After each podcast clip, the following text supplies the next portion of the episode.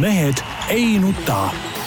selle eest, et mehed ei nutaks, kannab hoolt Unibet, mängijatelt mängijatele.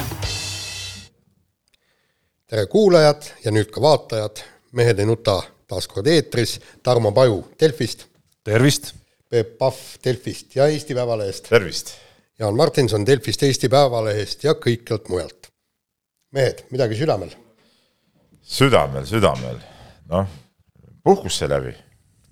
see on, see on alati töölolijate kõige suurem selline rõõm, et, et teadmine, et alati on see esimene tööpäev pärast puhkust. täna ei ole tead esimene, eile oli juba esimene, et selles suhtes ei ole, ei ole tead hullu ja noh, see puhkus on nii lühike ka, et ega sellega ei jõudnudki midagi ära harjuda, et aga ütleme nii. aga miks ja kust, kust ikkagi ma nüüd tuletan meelde ühte, ühte vanemat vestlust, ma mäletan, see oli vist tol korral, kui ma käisin Soomes suusatamas ja olin liinil, olin liinil telefoni teel, et et eriti sellel raskel koroona ajal praegu, kus kodune siseturism ikkagi vaagub hinge ja oleks eriti oluline ikkagi Eestis puhata, et sina otsustasid ikkagi minna nagu leedukatele oma raha viia. ei vaata mina.... kus see, kus see patriotism praegu Väga, on, et seal... sina kui, sina kui teatud partei pooldaja peaksid nagu eriti Tähendab. veel praegu hoidma piiri sees kõike. praegu nagu valest otsast hammustad, nagu öeldakse. Ütleme siin patriotismi on kõvasti ja Pribaltika pooldajana, nagu ma olen öelnud, eks ole, kõik kolm riiki on võrdsed ja ma puhkusin kõigis kolmes äh, riigis kus nad, ei, kus nad võrdsed on? mida, mida me saame, et ei, Läti, et Läti või Leedu eelarves on sinu raha? ma alustasin äh, Eestist äh,. olin Rogose mõisas kaks päeva. tead, kus Rogose mõis on? ei. no vot, uuri välja, soovitan minna, väga tore äh,. maitsesin seal kohalikku äh, mõisaveini, väga meeldiv oli. siis käisin äh, seal mõisatuuril ja nii edasi, siis sealt edasi äh, Läti, siis Leedu ja siis uuesti Läti. muuseas, ma pean ütlema, kuidas, ähm, kui meil tuleb siin teema siin meie majutusasutuste hinnad, eks ole, siin Rally Estonia ajal, kuidas Riia linn on näiteks äh, lahendanud ikka geniaalselt, et praegusel ajal turiste meelitada. ütleme, hotellid, mis muidu on üle saja euro tuba öö, on praegu Riia vanalinnas spa hotell äh, oli mingi viiskümmend viis eurot või midagi niisugust minu arust see selgitus väga veenev ei olnud, Peep, praegu, et ei, kust niisugune postulaat üldse, et peab toimuma mingi võrdne jaotus Eesti, Läti ja Leedu vahel, see jääb nagu segaseks. ei no sellepärast, et Leedut tuleb toetada, sellepärast see on Kaunas Žalgiris, eks ole, kõik me elame ju ikkagi kord või kaks korda nädalas Kaunas ja Žalgirise äh, rütmis, nii. aga kui me Leedut ei toeta, siis ei ole Žalgirist ka ju. teine asi, Riia Dünamo jäähoki, äh, paar korda nädalas elame ju Riia Dünamo jäähoki rütmis. kui me Lätit ei toeta, pole Riia Dünamot ka, nii et selles suhtes on on ju väga-väga lihtne ja loogiline. minu arust saavad nad ise täitsa hästi hakkama, et Kalev Cramole oleks võinud kõik, kõik korda kolm minna, nii et oleks. Kalev Cramo hakkab ka ennem nagu sihukesel tasemel mängima, siis, siis jah. aga eh, ka mul on eh, üht-teist südamel, vot eelmine, eh, kas oli eelmine või üle-eelmine saade, kui me rääkisime Kaunase Salgirise peatreenerist, siis mäletad, Peep, millega see meie nii-öelda vaidlus lõppes, et miks eestlane ei ole äh, Salgirise peatreener, sellepärast sa ütlesid, et äh, Leedu on korvpalliriik, Eesti ei ole.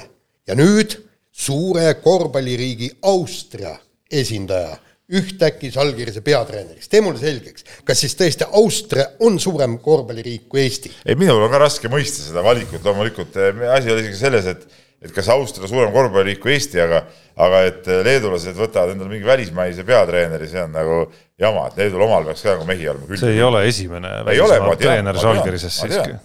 no isegi Jaak Salumets on olnud seal. no vot. aga ei, selles suhtes tundub natuke kahtlane valik minu jaoks. nii, aga paneme teemadega vist äh, nüüd kenasti huugama siit maalt ja äh, Rally sa ju mainisid korra seda majutuse jah, Rally Estonia ja, ja ühtäkki, no soomlased olid hämmingus, meile äh, saadeti ju äh, FIA pressi äh, esindaja poolt ka kiri ja öeldi, et nad loodavad ajakirjanikele saada mõistlikke äh, majutusi mõistliku hinnaga. aga äh, selgub, et äh, Booking.com'is äh, kenasti on näha, kui näiteks tahetakse äh, kaks inimest, kolm ööd ja kuus tuhat viissada viiskümmend eurot nõutakse selle eest, on mingisugune kas kodumajutus või mingi mökki või onn või ma, ma ei tea, mis asjad seal käivad. selle hinna juures pole muidugi vahet isegi no,, millega tegemist on. ja, ja, ja kusjuures oleks see nüüd ainuke pakkumine, ei, neid pakkumisi on äh, hulgi ja noh, see oli nüüd kõige, kõige hullem, aga viie tuhande, nelja tuhande euroseid äh, soove on, et, et inimene tuleb ja, ja, ja maksab nüüd niisugune no see, noh, ma, ma ei saa, ma ei saa sellest aru, vaata Peep, me oleme ju kõik need rallid maailmas. äh, kahe peale läbi käinud, eks. igal pool, isegi sa saad niivõrd mõnusa ja mugava koha, nagu saad Mehhikos, nagu saad äh, Argentiinas nagu saad Hispaanias, nagu saad Itaalias Sardiinia rallil. Ja kõik on mõistlik hindadel, kuuskümmend, seitsekümmend, kaheksakümmend eurot, okei okay,, mõnes kohas no mõnes kohas läheb saja peale ka ikkagi, jah. saja peale, aga, aga kõige, kõige kallim on olnud üldse kapis on sada kakskümmend eurot ja see on siis äh, sellele no ikkagi Helsingis ka, ütleme, kui me võtame hotelli ja. näiteks Helsingis, Helsingis ka ikkagi on see äh, ütleme üle saja võib-olla, aga noh, kodumajutuse saab see odavamalt. ja mäletad, me võtsime kamba peale mökki ja me maksime kuussada eurot nädala eest. kogu selle eest jah, jah ja. ja.. no Tarmo, sa oled mõistlik inimene, räägi, mis toimub tõesti, tõesti inimesed ei, mina näen hoopis siin nagu meile hoopis teenimisvõimalust ja vaata, me peame sinna ralli nagunii minema, onju.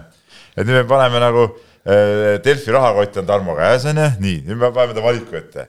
kas kuus tuhat eurot meile seal ööbimise eest või ütleme, me sõidame iga päev kodunt ja tagasi ja võtame siis ütleme näiteks äh, Äh, neli tuhat võtame vahet, kaks tuhat on igal juhul nagu toimetus. no mul on teile veel parem pakkumine, et äh, lihtsalt äh, arvestades Eesti väiksust või arvestades Eesti väiksust, mis see siis ära ei ole, kakssada kilomeetrit sõita. ei, ma räägin, et sõidame kodu, koduvahet, aga siis neli tuhat eurot nagu meile puhtalt kätte, et siis kaks, kahe tuhandega on toimetus ikka võidetud. ei, mul, minu pakkumise osa on see, et see neli tuhat loomulikult jääb ilusti alles meile kenasti vaata, see on sinu ettekujutuses see pakkumine, aga tegelikkus asjad on muidugi teistmoodi. aga selles mõttes on asi muidugi ühest küljest äh, justkui nagu kõlab nagu mingisugune äh, üks, üks turumajandus ja mis seal siis on, kui on nõudlus, kui on pakkumine, on ju. aga, aga teisest küljest A, saan ma aru, et sellel äh, võivad olla ikkagi päris äh, halvad tagajärjed äh, selle ralli tuleviku osas. kui, kui seda nagu nii-öelda kauboi kapitalismi nagu üldse ohjata ei suudeta selle ürituse ajal, et ma ei tea, kas siin on see koroona ja eelnenud kriis ja, ja hetkelgi käimasolev ja võib-olla ka eesterendav kriis on, on andnud mingisuguse võimenduse, et, et on nii palju leidunud nagu sellist nii-öelda kauplemisstiili ka seal, aga ma saan aru, et seal üks asi on see hinna enda pool, aga teine asi on see, et äh, millega on olnud äh, korraldajad päris kõvasti kimpus ja inimesed, kes on reserveerinud äh, juba asju ja majutuskohti, on see, et need, kes kiiresti jõudsid tegutseda, nendele hakati veel majutuskohti ka üles öelda, kui nähti, et siin on võimalus kaks või kolm korda veel suuremaid summasid ikkagi kätte saada kuidagi. ja vot see enam ei, ei tundu nagu kuskilt otsast nagu aus, et see on, see, see näeb väga nõme välja. nii, see, siin on kaks asja, üks asja, üks, mida meie ei tea, kui palju lähevad maksma tiimidele ja, ja kõikidele noh, nii-öelda FIA inimestele, kõik, kes piiri tagant tulevad äh, Rally Estoniale. ei no need võivad... broneeris ikkagi ralli korraldaja varem ära. okei okay,, nad broneerisid, aga millised hinnad neid tulevad, see on nüüd küsimus. ja teine küsimus on ka ajakirjanike hinnad. sellepärast, et kui seal on tõesti, ajakirjanikud peavad maksma müstilist hinda, siis lõppude lõpuks see FIA pühib oma käed puhtaks. sellepärast, et praegu nad on äh, väga jõuliselt tegelevad just sellega, et, et võimalikult palju ajakirjanikke tuua Äh, WRC võistlustele ja MM-etappidele.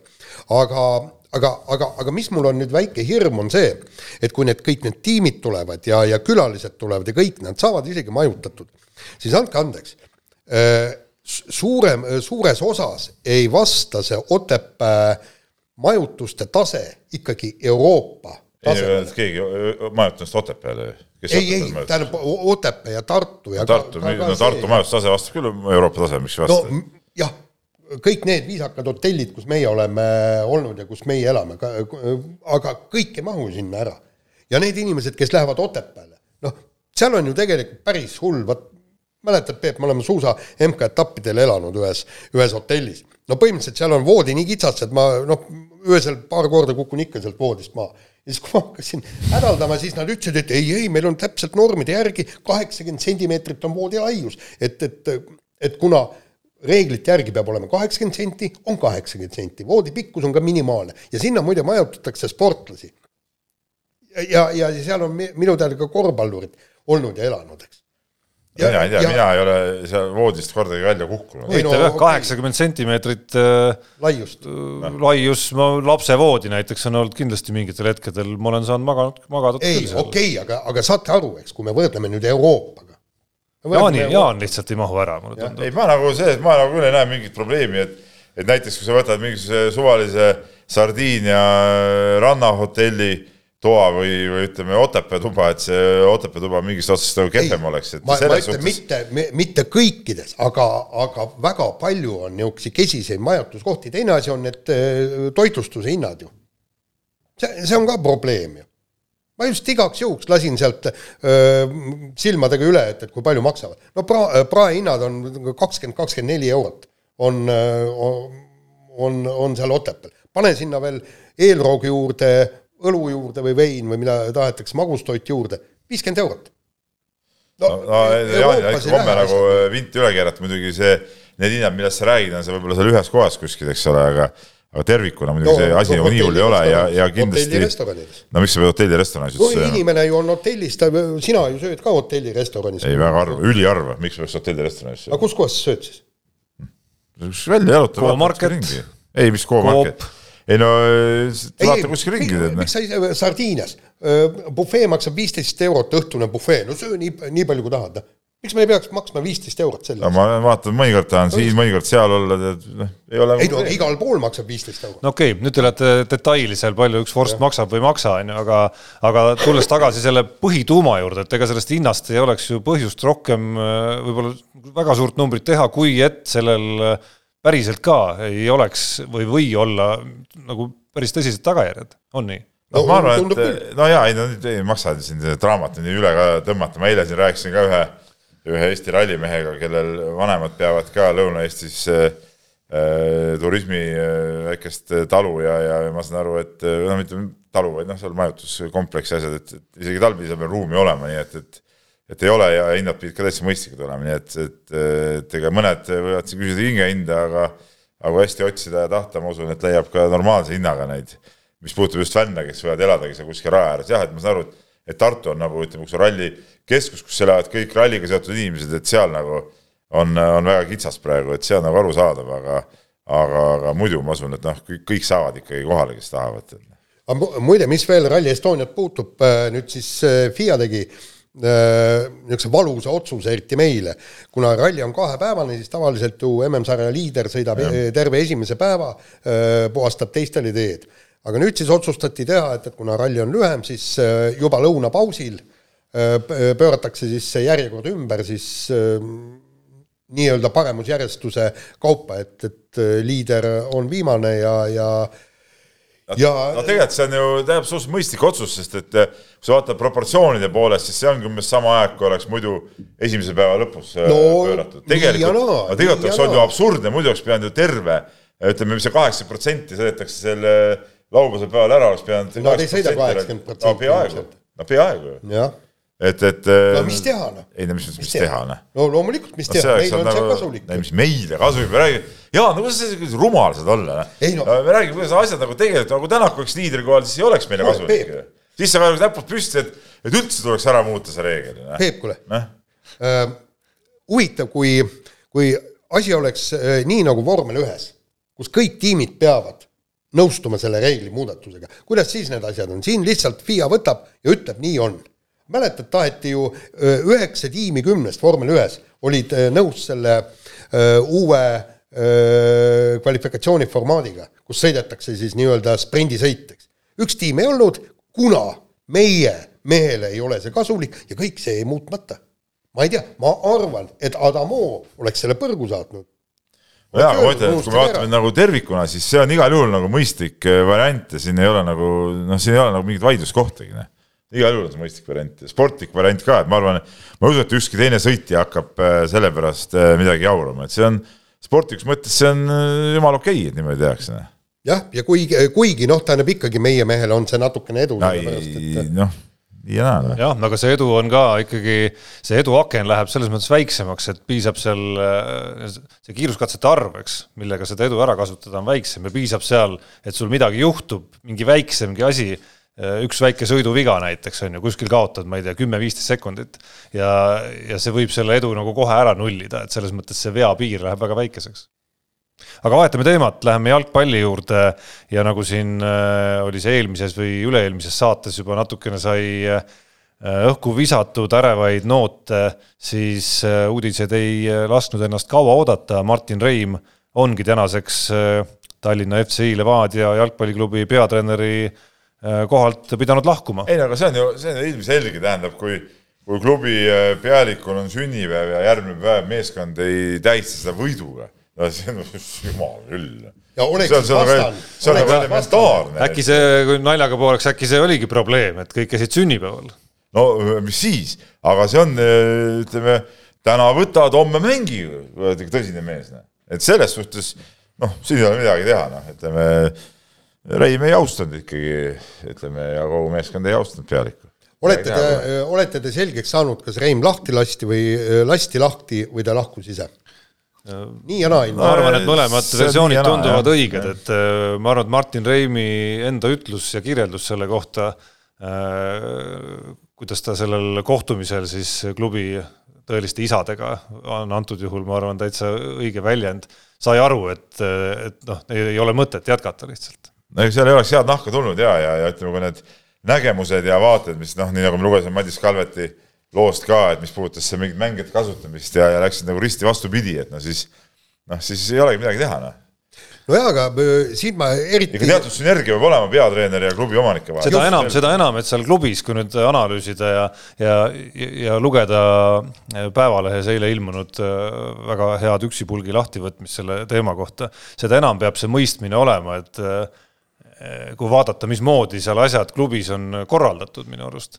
Et eh, noh, üks väga konkreetne joon, mis puudutas eh, klubi juhtimist ja mängijate värbamist näiteks, oli ju see, et Reim ei olnud legionäride värbaja, et, et need otsused tehti tegelikult teiste inimeste poolt. Need otsused vähemalt senise hooaja käigu järgi ei ole olnud kuskilt otsast veel ka õnnestunud. et lõpuks tekkisid mingid käärid, kus klubis ühed inimesed nii-öelda nagu management'i pool oli toonud kohale mingid välismaa mängijad, Reim oli omakorda oma siis nii-öelda nagu mis iganes šarmi või, või veenmisega toonud kohale mingeid Eesti mängijaid ja siis tekkis seal mingisugune vastuolu selle vahel, et kes siis väljakul peaks olema ja kes siis mitte. Needsamad legionärid väljakul tihti ei õigustanud ennast ka veel, ehk et kokku tekkis mingisugune täiesti arusaamatu sous tegelikult. no natuke meenutas seda omaaegset Kalmar Salgeri süsteemi, kus kus oli keegi kodanik Nõid, kes siis ütleme, määras minutite kaupa ära, kes palju peab mängima, siis treener paberi pealt vaatas, kuidas vahetusi teha. et noh, see umbes, umbes sama jabur oli kogu see luua, et noh, tegelikult ikkagi treener vastutab tulemuse eest, treener otsustab, keda platsile paneb, et, et noh, see management võib ju neid mingeid mängijaid sinna tuua, aga management ei saa tegelikult reaalselt nagu nõuda, et see peab mängima ja too ei, ei pea mängima, et seda, seda otsust peab tegema treener. ja sellises oh,, sorry, sellises olukorras, kui, kui, kui need asjad on nagu niimoodi jagatud, on ka väga segane lõpuks selgeks teha, et kellel siis, kes see vastutaja on, et ke, kelle vastutusel on siis see, et meeskonnal ei ole hästi läinud. et tagantjärele näeb see otsus või, või see lahendus, et Reim lahkus juba nii kiiresti, seda kentsakam välja, et viimane mäng võideti väga hea mänguga ja asendustreener tänas just nimelt siis Martin Reimi, et, et see oli justkui nagu elav tõestus, et asjad läksid tegelikult paremuse poole. tahaks küsida, kui hakatakse treenerit värbama, siis treeneriga ju räägitakse läbi, uuritakse, et, et mis on tal kavas, kuidas ta soovib me meeskonda, ütleme võib-olla mitte meeskonda üles ehitada, kui see võimalus puudub, aga kuidas paneb ta taktika paika, kõik nii, ja nüüd järsku üllatusega leiti, et, et see kolmene kaitseliin ei õigusta ennast, eks, ja, ja, ja teine asi ongi, kui sa annad selle töö treenerile, siis treener paneb need mängijad ja see, et, et kui sa oled kalli raha eest ostnud mingid väljamaalased ja, ja sa ju näed väljaku kõrvalt, et ta ei suuda mängida, ta, ta ei täida oma öö, rolli öö, seal platsil, siis milles see treener süüdi on? järelikult sa oled ise teinud vea. sa oled valed mehed siia palganud. ja, nüüd lastakse treener lahti, noh jah, võib-olla Frantsev siis öö, paneb lihtsalt õiged mehed väljakule, vaatame, mis sellest sünnib. Eesti mehed pingile, väljamaalased platsile, näis. no vot see on, ütleme, see on nende niisuguste klubide nagu see Levadia on olnud alati, kus ma ütlen, niisugused autoritaarsed klubid või, või ütleme, ühe niisuguse mehe noh, seal on nüüd, nüüd on, kaks, nüüd on kahe, nüüd on kahe mehe küll jah. aga eks ootused on selle võrra kõrgemad. aga tundus küll, et see Infoneti mees nagu tead natuke tasakaalustaks seda kogu värki, aga ütleme päris nii vist pole ka läinud, et eks nad siin palju raha sisse ka pannud ja tulemust pole tulnud, et sellest ma saan nagu aru ka nende sellest äh, survest, aga ütleme, see on ikka niisuguste klubide nagu natuke käekiri ka, et, et kus see, ütleme, see, need omanikud omavad nagu väga-väga võimast positsiooni just selle, ka selle siseelu äh, suhtes, noh, et, et, et, et noh, see ei ole nagu hea variant, noh, niisugused asjad ei ole kunagi, kunagi head variandid. ja no Martin Reimist on tsipa kahju, Florast läks minema Eesti koondisest täpselt samamoodi astus tagasi, kuna, kuna ei su-, ei suutnud nagu meeskonda mängima väidetavalt panna, aga noh, no ja nüüd siis äh, Levadiast ka, et äh, kas tal üldse enam on tulevikku nii-öelda kõrgtasemel treenerina? see on küsimus. nojah, seda on raske, raske öelda, aga lähme jalgpalliga edasi ja kaheksakümne kaheksanda aasta äh, Euroopa meister Arnold Müüren, Hollandi mees Äh, käis siin Eestis ja, ja, ja ütles sellise päris tähelepanuväärse lause, mis puudutab nagu laste treenimist, et lastega peavad töötama parimad treenerid. tegelikult see on nagu ilmselge väide, millega, millega tuleb nõustuda, et, et tegelikult mida ma näen ka tihtipeale, ütleme korvpallis, ma arvan, siin jalgpallis ka samamoodi, noh, ma näen ju jalkavennad ka treenivad meil seal läheduses tihti, et et noorte gruppide peale pannakse tihti just need nii-öelda need algajad treenerid, kes on, ma noh, ma ei tea, pole mängikarjääri tulnud ja tahavad treeneriks saada, noored vennad, no kõik on tore, eks ole, aga ütleme, see ei saa olla alustamise koht, et sa pead alustama ikkagi mingisuguse vanema kogenud treeneri kõrval, mitte nii, et sulle antakse kõmm mingid poisid kätte ja, ja hakka nüüd kütma, eks ole, et seal on need, need vead ja asjad väga kerged tulema, et tegelikult ma olen alati seda meelt, et, et peavad olema kogenud treenerid noortel ja, ja teine asi, mis puudutab ka mänge tihtipeale pannakse just mingid äh, teised noored vilistama äh, laste mänge, et ütleme, sealt need lapsed ei õpi ka midagi, see mäng on üks nagu pudru ja kapsad, et tegelikult peaksid vilistama ka laste mänge äh, kogenud treenerid ja seal jääb muidugi see rahasumma taha, et need mängud tõesti odavad. aga tegelikult, tegelikult see oleks igati kasulik. et ma tahan siinkohal kiita Aare Allikut, kes tihtipeale Euroliiga treenerina ja tegelikult ka Rain Peerandi on käinud äh,, mitte treeneri, vaid kohtunikuna, on käinud ikkagi Eesti liiga noorte mänge ka vilistamas ja, ja, ja ja ma arvan, see on, see on kõigile noortele poistele ja ka noorte treeneritele olnud väga, väga kasulik. ja Müüren ju on äh, Amsterdami Ajaxi süsteemist ja ta selgitas, kuidas see süsteem on üldse paika pandud ja, ja neil ongi ju tegelikult meeskonna ülesehitus ongi see, et, et kasvatada üles noortest peale väga tugevaid mängijaid ja siis rahulikult need müüa, müüa välja ja, ja seda tööd tehaksegi väga hästi ja ja noh, ma olen vist siin saates ka vähemalt kord, võib-olla kaks ka olen meenutanud seda oma, omaaegset nii-öelda korvpalliaega, kui, kui mina veel noor olin, siis oli ju tegelikult oli kõik need spordikoolide ja, ja korvpallikoolide treenerid olidki kõik tipptreenerid, kes jõudsid öö, ühel või teisel ajal öö, Kalevi etteotsa, koondise etteotsa, eks, Märt Kermon, Üllar Keerte, kõik, kes seal olid, et et nii olidki, Press Raud, kes enam ei mäletagi kõike, kõiki neid, aga, aga see oligi see, et, et noortega peab tegelema parim treener. ja, ja sealt noorte treenerist, kuhu nad hüppasid? hüppasidki Kalevi treeneriks. Levkoi ja, ja öö, Kerman. sedasama rääkis tegelikult ka öö, Kalev Kruusile antud intervjuus Jukka Toiala kui te olete kuulnud seda, et kui jutt käis sellest, et kuidas Soome korvpall on ikkagi viimase kümne-kahekümne aastaga nii vägevaid samme teinud, et seal oli mitu nüanssi loomulikult äh,, alustades sellest, kuidas Hendrik Tetman äh, võttis, ütleme sellise nagu pisut nagu äh, noh, ütleme niisuguse autoritaarse juhina sai nii-öelda ohjad enda kätte, et, et neid otsuseid, et otsused sünniks vähe paremini, kiiremini ja otsustavamalt. aga üks äh, olulistest otsuse valdkondadest oli ikkagi seesama, et kes noori treenivad ja kuidas treenivad.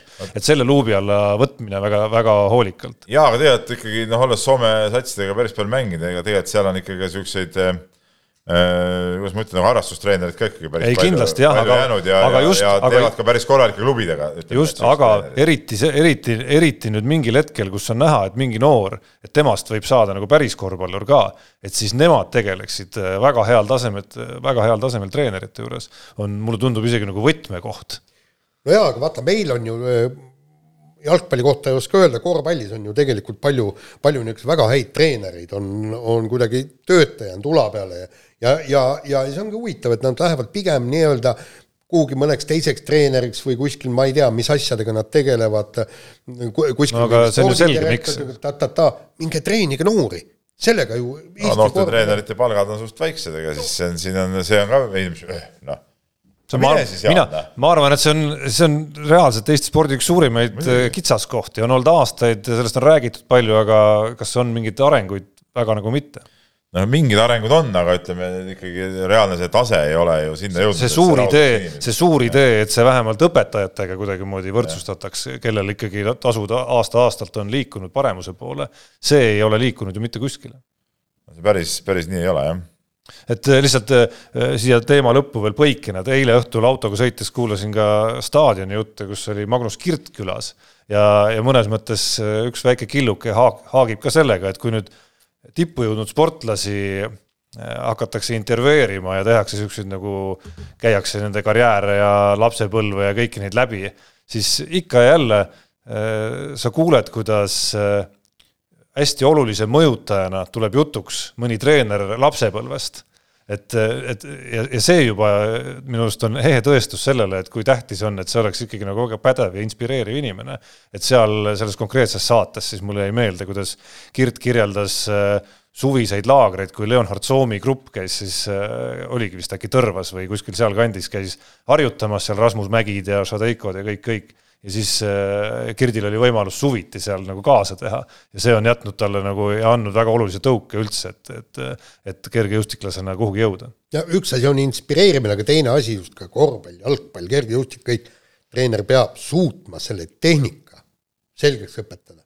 sest nii kui kuskilt tulevad ju nii-öelda näpuvead sisse, noh, vise pole õige, põrgatus pole õige, mis iganes, kõik nii. ja mäletad, kunagi, kunagi oli ei no selles õige vise on niisugune, see on niisugune kahe otsaga asi, et me peame päris tipptasemel ikka väga koleda viskega vendi ka, kes panevad väga hästi sisse, et see on nagu, nagu teine asi, küll aga see, et sul mõlemad käed on ja et sa suudad nagu, nagu mingi põhibaasasju teha, et, et, et, et see on küll oluline, jah. ja, ja, ja seda, seda on ju nii Salumets kui ka Kerde ja kui veel mõned on, on ju öelnud see, et, et kui mängijad tulevad koondisse, siis teinekord mul on vaja noortena tulevad koondisse, mul on vaja hakata neile algtõdesid õpetama.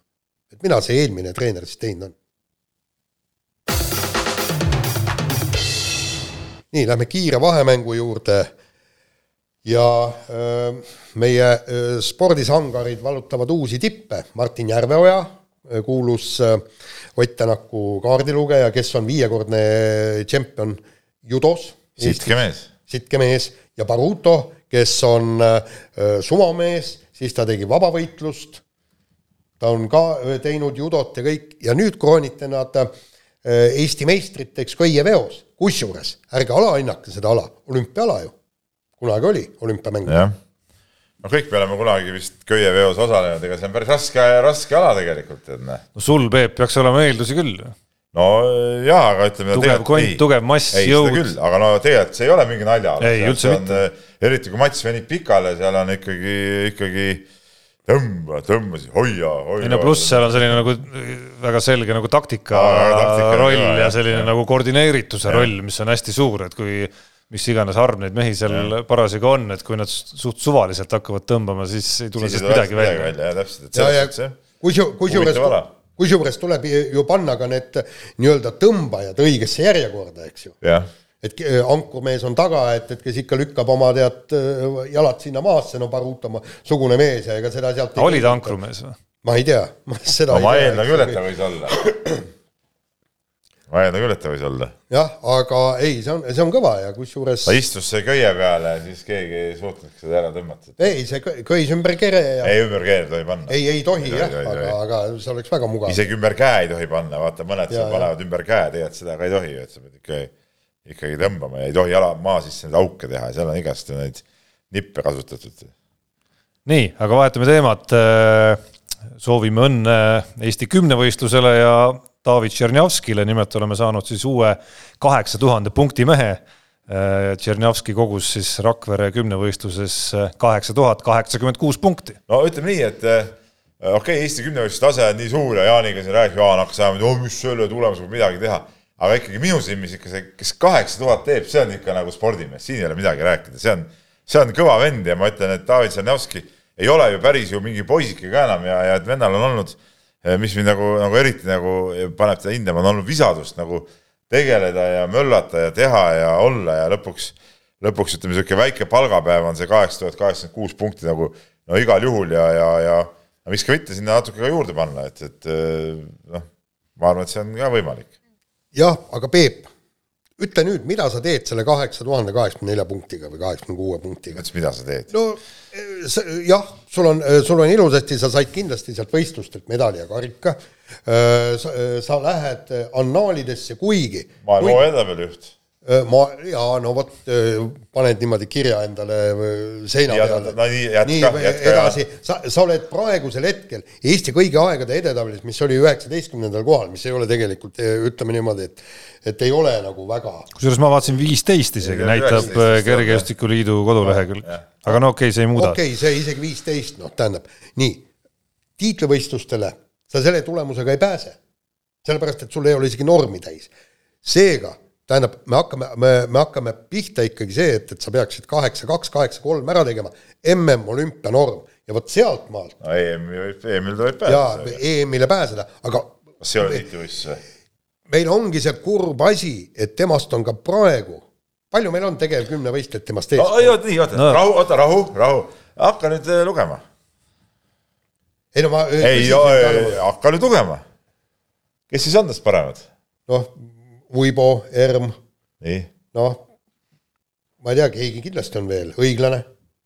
No, kolmest meest aitab. aga kui tihti on see nagu äh, see hetk, et äh, kolm parimat meest on kümnevõistluses terved ja saavad minna. kõik on õige, aga sul ei ole MM-normi täis aga ma räägin EM-il. no ja ütleme, Karel Tilga on ka seal juures veel no, neljandana, aga Tilga, ta peab enne vigastusest. kaheksa tuhat ükssada ehk mingi paarkümmend punkti rohkem. et ta peab kui, vigastusest veel välja tulema ja tegema oma võistluse ära, aga, aga noh, ma mõtlen, mis see Jaan su sõnum on, et mis see David Tšernjavski, kas ta peab siis. ei, absoluutselt mitte, ei, aplodeerime talle, aga, aga nüüd ootame kuni kaheksa, kaks, kaheksa, kaks, viis, kaheksa, kolm. et see peab olema siht ja eesmärk jah, teisalt öö, oleks. Need ajad, kui Kaseorg. kas sa, kas sa, sa tead, et tal ei ole seda eesmärki või? ei, kindlasti on, aga, aga see, kui Kaseorg tiksus aastaid ja aastaid kaheksa tuhande, kaheksa tuhande ühesaja vahel, aga pääses kõikidele olümpiamängudele igale poole praegu seda aega ei ole kahjuks. ja no täpselt samamoodi ju Andres Raja tegelikult sattus aega, kus äh, samas suurusjärgus summadega isiklik jäi tal kasealust allapoole, oli ta ikkagi Just. pidevalt seal mängus ja, ja sisehallis isegi oli rohkem pildil. et noh, selles suhtes äh, ma Jaani selles, Jaani seda skepsist nagu ei jaga, et, et ma ütlen, et, et äh, kõva värk, noh, midagi pole ütelda. no mõnes mõttes on ta veel seda kõvem, et jube lihtne oleks selles olukorras nagu mõelda, et et polegi, no nagu Jaan siin üritas ja. süstida temasse, et no ei ole mõtet siin mingi kaheksa tuhande kaheksakümne kuuega üldse mässata. Jaan on väga inspireeriv inimene. ei, aga noorte treeneriks ei saa lasta. kuule, mees tee nüüd kaheksa-kolm ja siis hakkame rääkima. sellepärast on see Tšehhi naiskond äh, võrkpallis kuhugi jõudnudki, et sa inspireerisid neid niimoodi, et kuulge mutid, no mis te siin mängite, meil on siin palju paremad mängijad. kuule, me või, võitsime ehitustehnikumide Spartakiaadil ainsa karika Tallinnas toimus aga mis tehnikum, see oli mingi tehase Tšehhi mingi naiskond? ei, ei, ei, see oli e, Tempti võrkpallinaiskond. jah, jumal, me, me, me olime täielikult kuningad ju ainsana võitsime, ainus karikas toimus siin Läti-Leedu. mees, kes muidu räägib siin sellest, kuidas ütleme siis nagu kontinendi medalist allapoole suurt ei maksa midagi, räägib no, nüüd tehnikumide esikohast. EM-ile võib saada, aga see on mingi prügi järgi. see oli kõige tähtsam asi, isegi kui me oleks tulnud maailmameistriks, see poleks olnud nii oluline, kui võita ehitustehnikumide Spartakiaad. ei no selles suhtes küll jah, selles ma, ma nagu mõistan seda, et ütleme ka ütleme omal ajal valdades Spartakiaad kõige tähtsam või nagu võistlus tegelikult. ja, ja ma va vaatasin hiljuti, ema leidis pööningult üles mingisuguse fotoalbumi, kus vahel oli ka kõik põhikooliaegsed eh, diplomid ja meenus, kuidas ikkagi teise, kolmanda ja viienda ja neljanda klassi spordipäevad olid kõige tähtsamad asjad, mis maailmas üldse leida. jah, no nii ongi aga, aga nüüd on niimoodi, et, et enam ei tohi isegi tulemusi üles riputada. kas muideks kusjuures minu arust äh, spordipäevasid kui sellised vähemalt äh, seal koolis, kus minu lapsed käivad, minu arust ei toimugi enam no,. sellis, sellisel kujul. ka sellisel kujul. sellisel kujul. ammu polnud neid. sest vanasti, jaa, sest vanasti oli ikkagi selge. seal on mingi spordipäev, see on mingi teistsugune. ei, on mingid üksikud võistlused, vahel pannakse nad jooksma krossi näiteks kuskil selle aja peale aga et oleks eraldi päev, kus. päev, kus tunde pole, käib läbi kõik, kaugushüpe, kõrgushüpe, pallivise, kuulitõuge, kuuskümmend meetrit, tuhat meetrit, mis seal veel kõik saab teha, eks ole sihukest asja küll. ei, aga kuule, kas, kuidas siis valitakse välja võistkond rajoonivõistlusteks? ei no eks see kehalise tundides tehakse ei, need alad mõttes? läbi ja nii, nii käibki. No, see ongi paras umbluu on kõik see asi. oh jumal küll. no jumal küll, jah. nii aga Tanel Leok, meie äh, motokrossi mees, äh, tõeline ka juba legend, äh, kelle lapsed ka panevad siin kõvasti krossi, on öelnud sellise lause, et ma ei taha, et lastest tuleks professionaalsed krossisõitjad, kuna selle alaga ei teeni. ja põhimõtteliselt nagu seal intervjuus ta rääkiski, et, et asi ongi tõesti, no põhimõtteliselt sul peavad olema sponsorid, sa pead noh, sisuliselt peale maksma, no ütles niimoodi, et, et noh, et kuidagimoodi et, et sealt auhinnarahaga sa suudad nagu järgmisele etapile minna, aga ka teenistust kui sellist ei ole. ja minu jaoks on see tegelikult. ei no jaa, kui sa oled ikkagi tehase tiimis, siis sa ju teenid. jaa, no siis, siis sa teenid, aga tegelikult on noh, kuhu siis need rahad küll lähevad? kuhu need rahad Millised lähevad? publikut on ju meeletult, vaata, kui, kui meeletult seda publikut on, eks. no ma ei tea, korraldajad võtavad ka oma kasumi no igaüks võtab väikest kasumit, aga, aga, aga see ei ole tõesti, ütleme, motokross ei ole jät-, jätkusuutlik, kui asi nõndaviisi jätkub, sest punkt üks on ohtlik ala, punkt kaks on kallis ala. ei no seda muidugi, jah samas oli see nagu huvitav avaldus selles mõttes, et äh, just Tanel Leoki suust, kes on äh, ikkagi ma usun, et olnud ka palgal ikkagi reaalselt ja ühel hetkel ei, ka tipule, no pikalt, pikalt, pikalt ja, ja ühel hetkel ka päris lähedal maailma tipule et äh, kas te ei ole Leoki raamatut lugenud, see on et, väga, väga huvitav. et ma julgeks, et ma julgeks, et ma julgeks kahelda, et, et, et ta mingitel perioodidel oma elus ikkagi korralikku palka ei, ei ole saanud. ta ütleski, asi läheb iga aastaga hullemaks. seal intervjuus ta ütleski, asi läheb e-, iga aastaga hullemaks ja kui, kui, kui asjad ei parane, siis ta ütlebki, et, et lihtsalt kaob pildilt ära motokross ja see oleks täiesti kahetsusväärne. eks see on natukene võib-olla ju nagu laiem küsimus üldse kogu automoto harule, et kui sa nüüd võtad äh, Ott Tänaku välja jätad ja lähed järgmiste Eesti rallimeeste juurde, siis alles eelmises saates me rääkisime, et äh, et noh, neil on raske üldse nagu budžetti kokku saada, et osaledagi, rääkimata sellest, et kuskilt mingi palk tuleks. budžetti kokku. No ikka, väike keele aga saad... harimismoment ka kuulajatele. nii, aga saad aru, ralli on ikkagi kordades, kordades ja veel kord kordades kallim kui motokross. motokrossil on ju etappe, seal on publik, publik, kellelt sa konkreetselt saad piletiraha, sa lähedki, annad talle etenduse. mul on sulle väike ettepanek, äkki sa siis võtad selle motokrossi asja niimoodi korraldamise nagu enda õlule. miks ma peaksin võtma? ei no sa, ei sa näed siin praegu ju meeletuid raharessursse nagu ütleme. ei, ma ei, ma, ma ei ütle, et need on meeletud raharessursid, aga ma arvan, et, et ikkagi äh, nii-öelda see MM-sarja korraldaja peaks hoolitsema selle eest, et, et, et sõitjad kuidagi vee peal püsiks. Jaan võiks tegeleda kõikide asjade korraldamisega ühtlasi olla kõikide spordialade treener. ja peatreener. ja peatreener ja, ja, ja noortetreener noorte ka. ka samal hetkel, et, et noh, ütleme siin meil on kõik on nagu paigas, absoluutselt kõik on paigas. aga noh, aga miks sinu asemel me näeme siin praegu udukogu? no ma ei kujuta ette, ma räägin teile, tsiteerin praegu öö, Leoki intervjuud, kui ta ütleb, et asjad on läinud. jaa, aga Leok ei rääkinud sellest, et kus raha seal vedeleb maas ei, ta ütles, et need asjad tuleb korda saada. okei okay,, ei ma nõus, tuleb korda saada jah, aga noh, nii. nii, võtame järgmise teema ja räägime korvpallist taaskord ja Maik-Kalev Kotsar siirdub Saksamaa meistriliigasse, küll vist viimasel kohal asuva meeskonna ridadesse, kes, kes asunud välja..., räägime minevikus eelmistest meistrivõistlustest siis. just, jah, tähendab, ütleme niimoodi, välja, välja meeskond ei langenud seoses selle koroonapausiga on õige koht mehe jaoks, miks ta ei mängi Kalev Cramos? ja see on ausalt öeldes niisugune kahe otsaga asi, et äh, ma ei leia küll kus otsas, et Kalev Cramo ja VTB liiga oleks kehvem variant olnud kui Saksamaa meistriliiga, niisugune noh, ütleme seni siis võib-olla nõrgema tasemega klubi, et noh, nõrgema tasemega klubil on üks väga selge eelis, vähemalt me räägime eeldatavalt nõrgema tasemega klubist, et me ei tea ju täpselt, mida see klubi uuel hooajal kujutab endast, aga aga selge, et Kotsar on faasis, kus mänguaeg on väga oluline kriteerium ja, ja, ja kui ta peaks leidma seda Saksamaa liigas, siis ma arvan, et tema arengu jaoks tundub, mul, mulle tundub see väga okei koht okay.. ja, ja mis. võib-olla sellest, võib-olla isegi sellesse VTB liigasse veel polekski küps võib-olla tulema, et see Saksamaa liiga no, ütleme, et alumine ots võib-olla tal parem koht isegi mängimiseks ma ei julgeks seal nüüd väga suuri nagu vahesid välja tuua, välja arvatud see, et VTB liiga tipus on jah no,, CSKA. CSKA, Himkis ja Niit on ikka Euroliiga klubid. jah, aga noh, sealt edasi on Saksamaa liiga ikka väga-väga tummine liiga, et. ei, muidugi on tummine liiga, aga no ma ei tea, no jah, aga see on natuke võib-olla ka see jälle see, see ummisjalu väljajooksmise efekt on siin ka nagu juures. minule, ma ei tea, kas see oli üldse mingi kaalutlus, see uudis ei ole ju tegelikult kuskil ametlik, et Kotsar ise ei ole seda veel seda, lõplikult jah. kinnitanud, aga, aga et kui see kõik paika peab, kas see oli ka päriselt või on korvpalluritel ja üldse pallimängijatel mingisugune argument, kui nad neid otsuseid teevad praegusel koroona ajal kus me näeme ju, kuidas maailm on täis riike, kus lained jälle ja nooled on kõik jõhkralt ülespoole ja ka Euroopas on neid riike juba päris palju. Äh, kogu see VTB-s mängimine BC Kalev Cramo puhul, mismoodi see praktikas välja hakkab Seda nägema uuel hooajal, mina ausalt öeldes küll ei kujuta ette, et et kui just Venemaal ei toimu mingi drastiline muutus ja need numbrid ei lähe kordades alla sellest, kus nad praegu on, et mismoodi see VTB liiga saaks toimida äh, edukalt BC Kalev Cramo-suguse klubi jaoks. küll tundub väga tõenäoline ja, ja, ja kui, et kui miski toimub, siis toimuvad ikkagi riikide meistrivõistlused. seesama Saksamaa oli ju üks esimesi, mis Euroopas eh, oma jutud jälle käima sai nii jalgpallis kui korvpallis.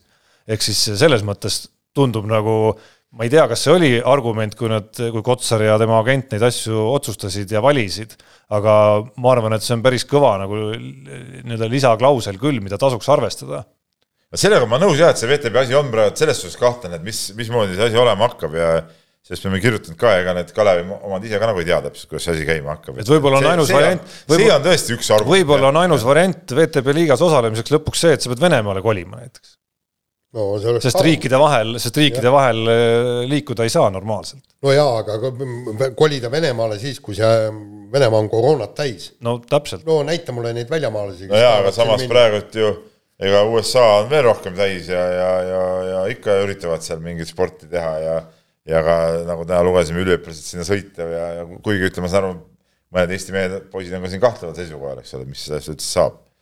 et see on huvitav lugu muidugi, kui nad sinna USA-sse ei lähe, et, et eh, mis siis nagu saab, tead väga, väga segane, siin võib veel väga palju segadust tulla. kas nad, kas neil on õigus mängida siis kuskil siin või ei ole, nendel on ju mingid lepingud sõlmitud seal nende, nende kohtadega. ja teine asi, nad ei tohi ju palka saada minu teada. ja ei tohi jah ja.. no kui nad tahavad veel äh, ühel hetkel minna, ülikooli ja, mängima, et siis, siis nad võivad jääda nagu väga keerulisse olukorda. väga keerulisse olukorda, jah. aga selle saateosa lõpetuseks vormel ühest ka natukene Äh, kui esimene vormel ühe MM-etapp Ferrari jaoks äh, oli veel selline, kus tehti nii-öelda sitast saia, vähemalt Charles Leclerc'i poolt, siis, siis teine etapp, äh, see oli ikka nagu nii-öelda kroonijuveel tõeline. ehk siis lisaks sellele, et kiirust endiselt ei ole, suutsid mehed omavahel ka veel kokku panna ja antud juhul ei olnud isegi Sebastian Vettel süüdi ja, ja kolmandas, kolmandas kurvis kõik see juhtus, mõlemad masinad lõpuks katkestasid ja ja ütleme niimoodi, et, et ikkagi Ferrari on kogu aeg olnud see, kes, kes ikkagi sellele vormel üks MM-sarjale värvi annab, et, et noh, ja, ja nüüd, kui vaatasin täiesti huviga, hakkasin kohe algusest seda sõitu vaatama, mõtlesin, et jällegi, et, et vaatame, mis seal saab, kuidas, et et, et äh, äkki Lewis Hamiltonin äkki taaskord ei võida ja, ja jumal tänatud, sest ausalt, ta on mind nii närvi ajanud oma selle jogaga, mida ta siin ajab. no just. ja, ja, ja siis ja kõik kolmandas kurvis kõik juhtus.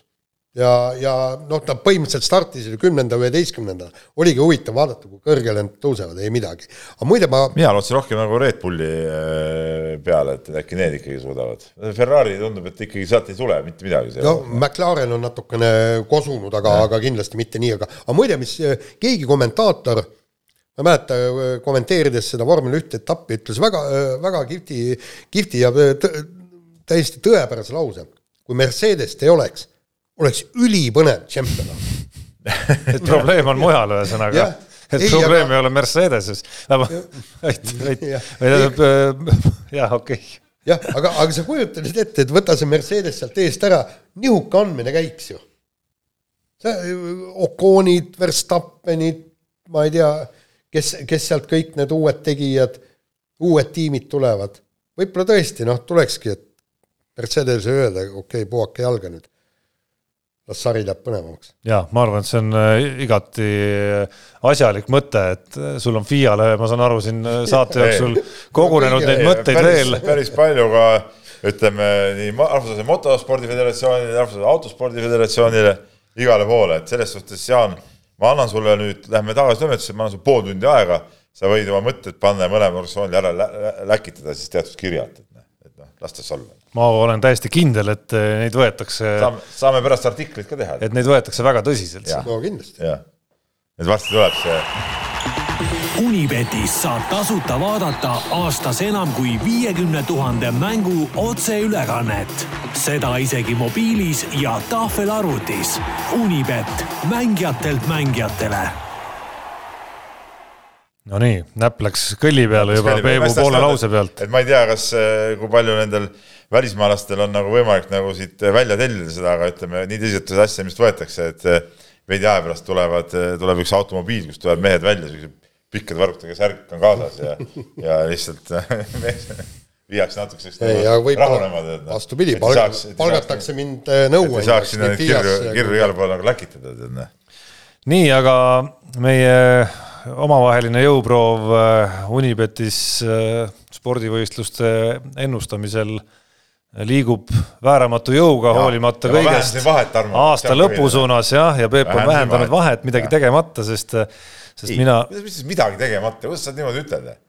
passimistaktika no. see oli, see on jälle taktikaline mäng praegu, vaata vahepeal ma tegin kõvad nagu liigutused, nüüd praegu on jälle see, see nagu köie tõmbas, et tõmba, tõmba, hoia, no, hoia no mul oli selge plaan ikkagi saada nii-öelda üle sellest kolmesaja euro piirist, aga, aga kahjuks äh, sellel äh, UFC viimasel võitlusüritusel siis kohtunike äh, kuidas öelda, split decision, ma ei tea, kas eesti keeles on üldse vaste olemas sellel, ehk siis kaks kohtunikku helistasid ühte ja üks teist võitlejat võttis mult äh, selle raha ära. nii et kakssada üheksakümmend siiski. noh, mina tiksun ikka oma kahesaja kolmekümne ringis ja kusjuures hämmastav on see, ma panen öö, kaks ennustust, üks võidab, teine kaotab. ja, ja siis peaks ju plussis olema, kui ühe, kui sa paned kaks ennustust, no oletame mõlemad kümme eurot, ühe koefitsient kolm ja teisel viis, siis sa kokku oled nad ei ole plussis. oleneb, palju ta ühele või teisele panustab ju raha. nojah, Ei, ja teine no- asi, nad ei ole ju kolm-viis, no nad ongi niisugune, no okei okay,, ma natukene olen jah tõusnud, aga euro kahe kaupa, aga siis jällegi see parem ennustus kaotab ja siis olen jälle, et aga kui ma nüüd hakkan pihta saama, et mõlemad pihta, tuisen mööda rahulikult nii Tarmost, Peebust, ma ei tea, see kõik äh, ei kõla üldse nagu eriti veenva jutuna praegu Jaani suust. miks ei kõla? no juba see, kui sa siin äh, oma äh, käekäigu sissejuhatuseks hakkasid rääkima, et mingist hämmast, et sa oled hämmastunud kuidagi ja no muidugi, mina panen õiged mulle tundub, et sa ei jaga matsu lihtsalt. ei, ei, ma, mina ennustan õigesti, aga miskipärast meeskonnad mängivad valesti. jah, ja see, ma olen ka tihti kogenud seda tegelikult. see on selles suhtes muidugi õige, et me tegelikult teame, mismoodi peab asi olema. No kuidas see resultaat peab tulema, aga ma ei tea, miks nad nagu mängivad nagu teisiti. see on võib-olla ise, pettus, nad ise ei tea seda mismoodi peab olema. ei, aga see on võib-olla kihlveo pettus. ka võib-olla. nii, aga Unibeti selle nädala mehed ja nuta eripanused on hetkel äh, töös koefitsiendi meistrite käes, millest üks saab olema siis äh, Ferrari mehed omavahel äh,. Ungaris toimub siis nädalavahetusel etapp Leclerc versus Vettel et mitmendas kurvis nad taas kokku panevad, kolmandas, seitsmendas või üheksandas. ja no seal selgelt äh, saab olema Leclerc siis väike soosik, nii et äh, kui siin on Vetteli ja vanameistri äh, nii-öelda fännlust natukene siin vasakul käel mul, siis aga kuidas, kuidas saab olla, üks on neljakordne maailmameister No täpselt. ja teine on poisike. nii et äh, mine pane ära ja siis vaatame, kuidas sa jälle jube pane hämmastunud kogu raha, Jaan. kakssada kolmkümmend või ka palju seal on. mõtle, milline võit. kindel, kindlalt tõused liidriks. no absoluutselt.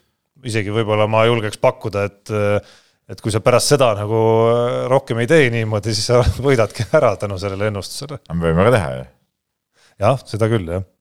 vot nii ja nädala lõpus on jalgpalli tulemas veel kodust liigat, aga kuna nende Hea mängudeni mäng. on natukene veel aega, siis ja siis Flora. Levadia Florast kindlasti on huvitavaid panuseid tulemas.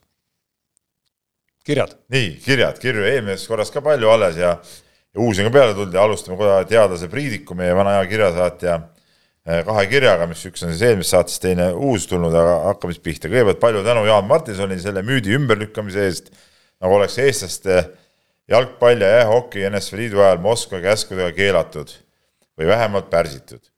või mida arvatakse kontaktspordi NSV Liidu aegsest minevikust ja hetkeseisust Eestis. meil on ju maaduses suurkujusid nagu ei ühel, ühelgi teisel spordialalt. Hakesmit, Luurik, Haaber, Klein, rääkimata Palusalust ja Kotkast ja Navist, eks ole. kuid näiteks boksis pole ju praegu mitte ühti, üks, ükski eestlane suurt midagi saavutanud. ja vähemalt kaheksakümnendatel Tallinnas oli sellel alal ilmselge venelaste spordiala maine küljes.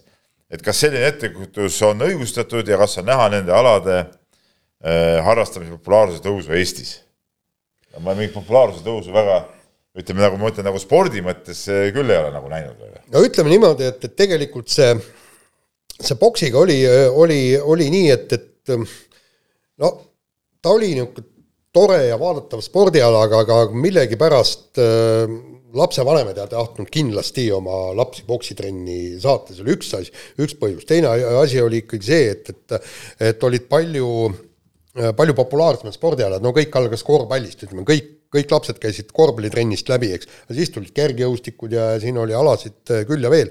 aga miks me liidu ajal läbi ei löönud, üks oli, üks oli tõesti põhjus selles, et et äh, noh, poksiga oli nagu oli, aga maadluses me pidime ju selleks, et üldse tiitlivõistlustele saama, selleks pidid olema ju öö, liidu meister. liidu meister, sest et igast riigist sai üks vend, no saab siiamaani sama reegel kehtib. no see on täpselt, täpselt nii, eks, Johannes Kotkas, palun, eks, olümpiavõitjaks tulnud ja, ja kõik, eks.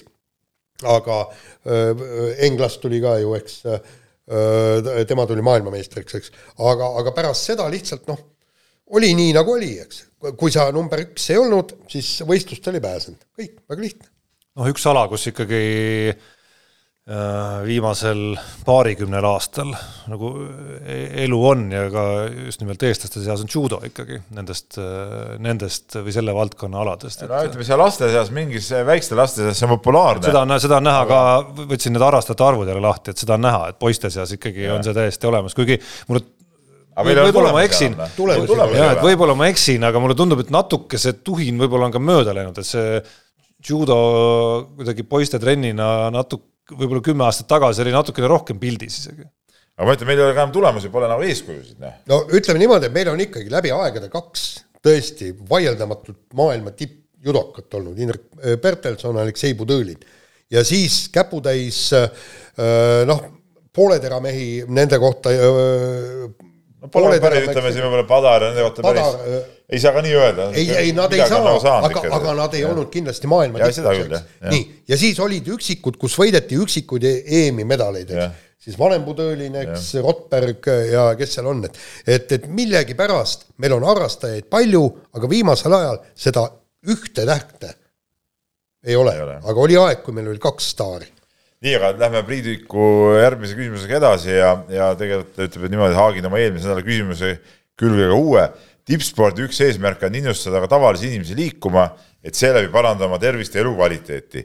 milline on saatejuhtide arvates viimaste aastate tähelepanuväärsem nii-öelda lihtsa inimese sportlik saavutus selles valdkonnas, valdkonnas? kas Raivo Tamme muundumine triatleediks või Jüri Mutiku ujumismaratoni läbimine koera ujudes? Ütleme, see Jüri Mutikas nüüd küll mind väga ei, ei ole inspireerinud, aga, aga tuleb see üldse tuttav ette? Raivo ei tule jah, Raivo ja Tamme sooritus oli või, või Märt Amandi või ka sõber Kalev Kruusi sooritused on olnud kindlasti inspireerivad, et see siin ei ole nagu midagi rääkida, selles suhtes see, see eh, triatloni eh, kamp on teinud nagu väga head tööd, et nad neid tavainimesi sinna sinna punti suutnud nagu tuua ja, ja neid treenima pannud ja, ja, ja see on, seda on nagu äge vaadata, tead noh.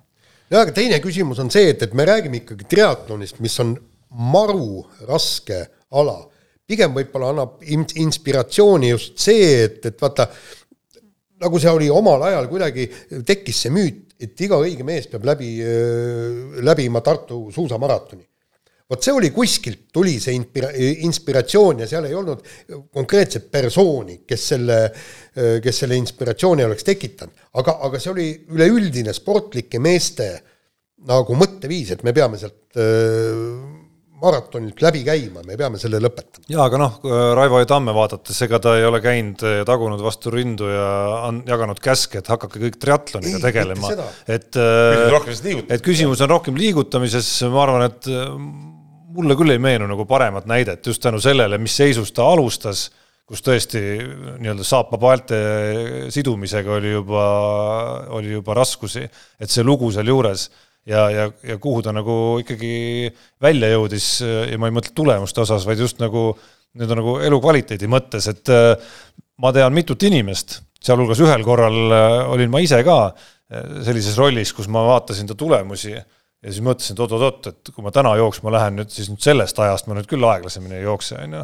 ja, ja ma tean isegi ühte kolleegi ka, kes konkreetselt temast inspireerituna hakkas, hakkas vähemalt mingi perioodil regulaarsemalt just nimelt jooksmisega tegelema.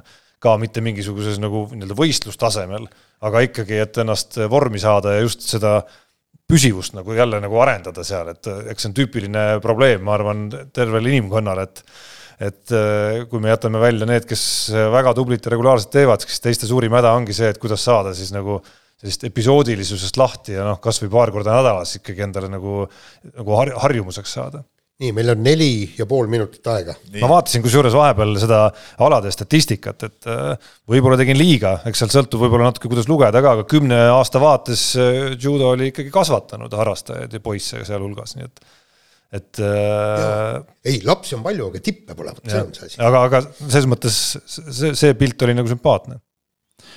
nii, aga Riko kirjutab meile ja, ja ta räägib siin, tema kirja mõte on siis sportlaste toetamine ja, ja sponsorite otsimine, et eelmises saates oli juttu ähm, Egon Kaurist, et äh, kirjutab siis nii, et täiesti kohutav, kas ta pakub oma toetajatele midagi sotsiaalmeedias vähe aktiivsust, et ma saaksin teda alul lihtsalt toetada ja hiljem siis nagu rahaliselt ka. hea näide on driftis Karel Piiroja, kes toodab Youtube'i iga nädal videosid, näitab nii driftiauto ehitust, võistlusi, eh, mannergute mõõduvõtte ja muid, muidu autoehitust.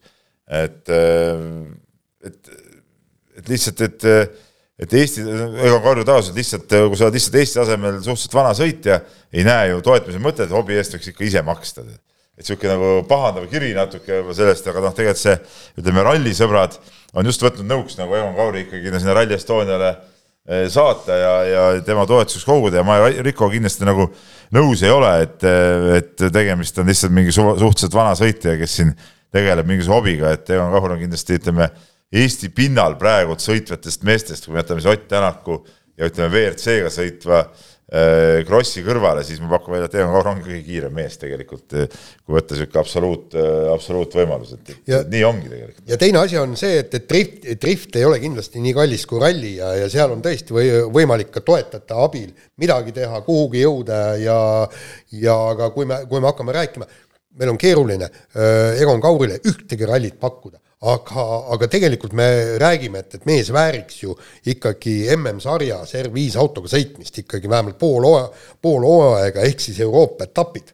see oleks tegelikult, vot see oleks tema tase, kus ta peaks praegu sõitma.